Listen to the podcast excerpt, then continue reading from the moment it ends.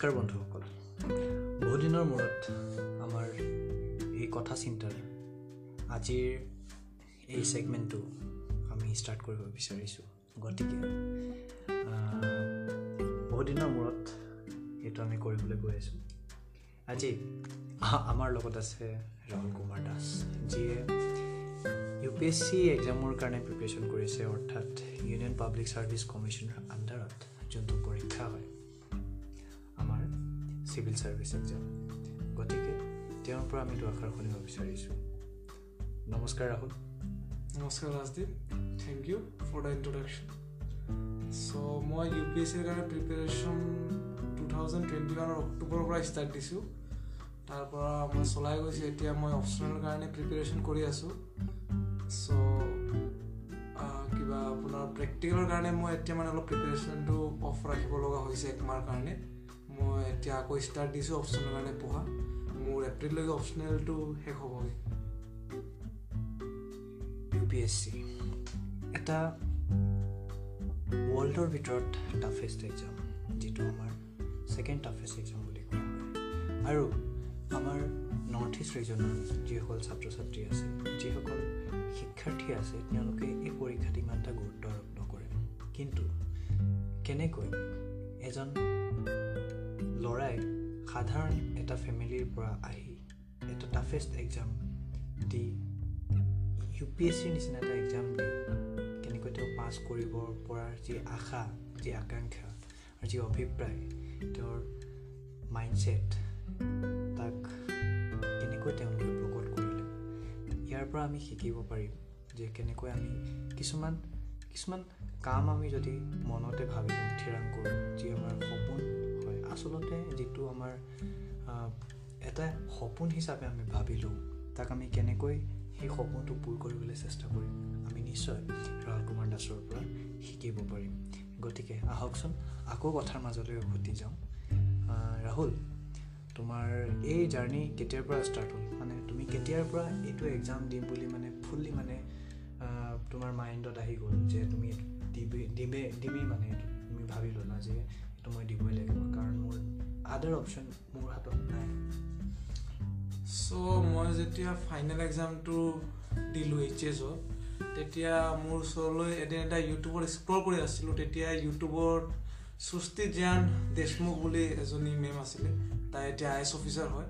তেখেতৰ ভিডিঅ'টো ইউটিউবে ৰেকমেণ্ড কৰিলে।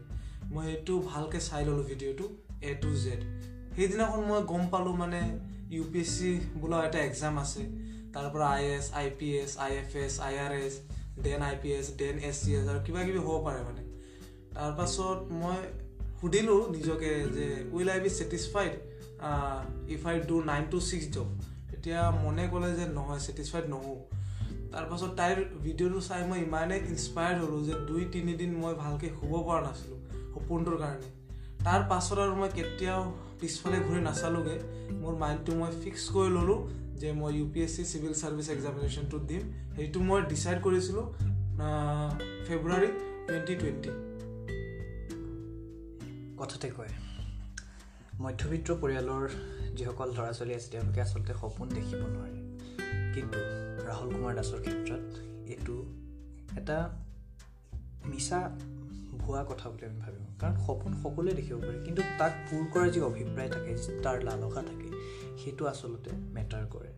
আৰু ৰাহুল কুমাৰ দাসে মোক এষাৰ কথা কৈছিলে যে I have no' other choice do or die because কোনোবা এটা যেতিয়া কাম আমি কৰিম বুলি যেতিয়া আমি মন পুতি যেতিয়া মাইণ্ড মাইণ্ডত যেতিয়া আমি সোমোৱাই লওঁ যে আমি কামটো কৰিম দিছ ইজ মাই ৱৰ্ক আৰু সেই কাৰণৰ পৰা মই ভাবিছোঁ যে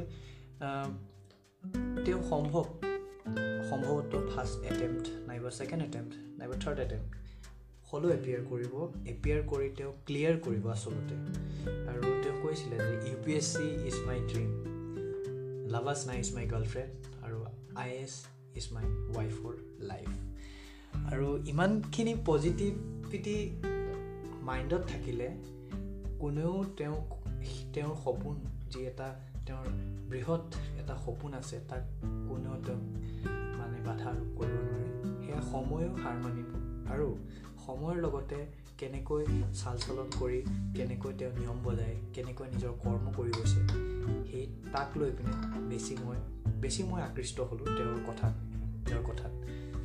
আৰু সাধাৰণ এটা মিডিল ক্লাছ ফেমিলিৰ পৰা বিলং কৰা এজন ষ্টুডেণ্টে আজি ডিব্ৰুগড় হনুমান বক্সৰ কানাই মহাবিদ্যালয়ৰ নৃতত্ব বিভাগৰ অৰ্থাৎ এন্থ্ৰপলজি ডিপাৰ্টমেণ্টৰ তৃতীয় ষান্মাসিকৰ ছাত্ৰ তথা ডিপাৰ্টমেণ্টৰ এজন টপাৰ ষ্টুডেণ্ট গতিকে আমি তেওঁৰ পৰা আচলতে শিকিব লাগিব যে কেনেকৈ টাইম টাইম মেনেজমেণ্ট কৰিব পাৰে যে তেওঁ ইউ পি এছ চিৰ কাৰণেও প্ৰিপেৰেশ্যন কৰি আছে প্লাছ তেওঁৰ যি এন্থ্ৰপলজি ৰিলেটেড এটা ডাঙৰ ছাবজেক্ট যি আমাৰ হিউমেনক ষ্টাডি কৰা হয় হিউমেনৰ হলিষ্টিক ষ্টাডি অফ হিউমেন বুলি কোৱা হয় এন্থ্ৰপলজিৰ লেংগুৱেজত গতিকে চাবলৈ গ'লে এটা ইমান এটা টাফ ছাবজেক্ট তেওঁ চুজ কৰি তেওঁ ইমান এটা ডাঙৰ সাফল্য কৰিবলৈ গৈ আছে। গতিকে সঁচাই এয়া আশাপূৰ্ণ আৰু এয়া সঁচাকৈ আমাৰ প্ৰেৰণাদায়ক।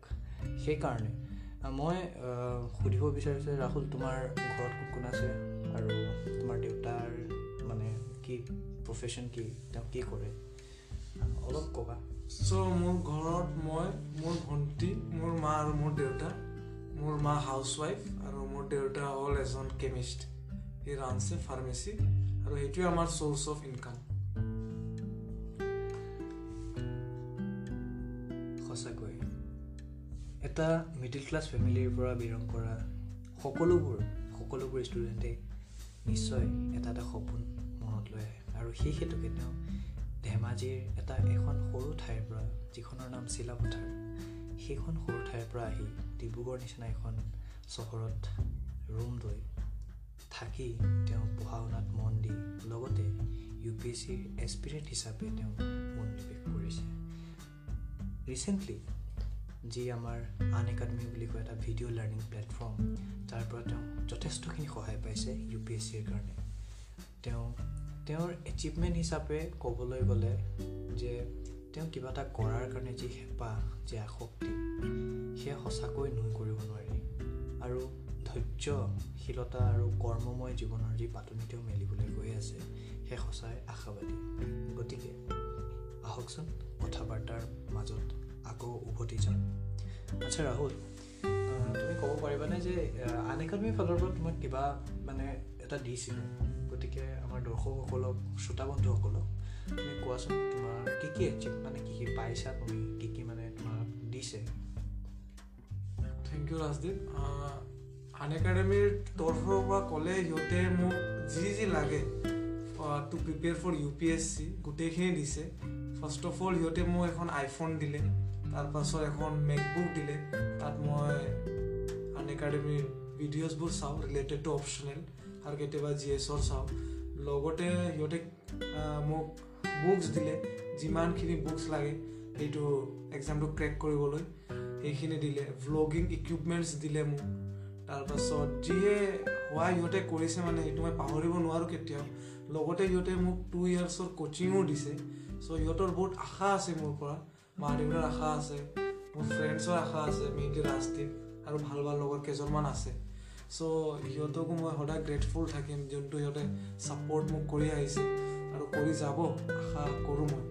চ' সেইবোৰ ছাপৰ্ট পাইছোঁ আৰু ময়ো বিলিভ কৰোঁ যে মই ফাৰ্ষ্ট এটেম্পটতে মই ক্লিয়াৰ কৰিব পাৰিম। কেলৈ যিহেতু ৰাজদ্বীপে এবাৰ ক'লে যে মোৰ লগত আৰু কোনো অপশ্যন নাই।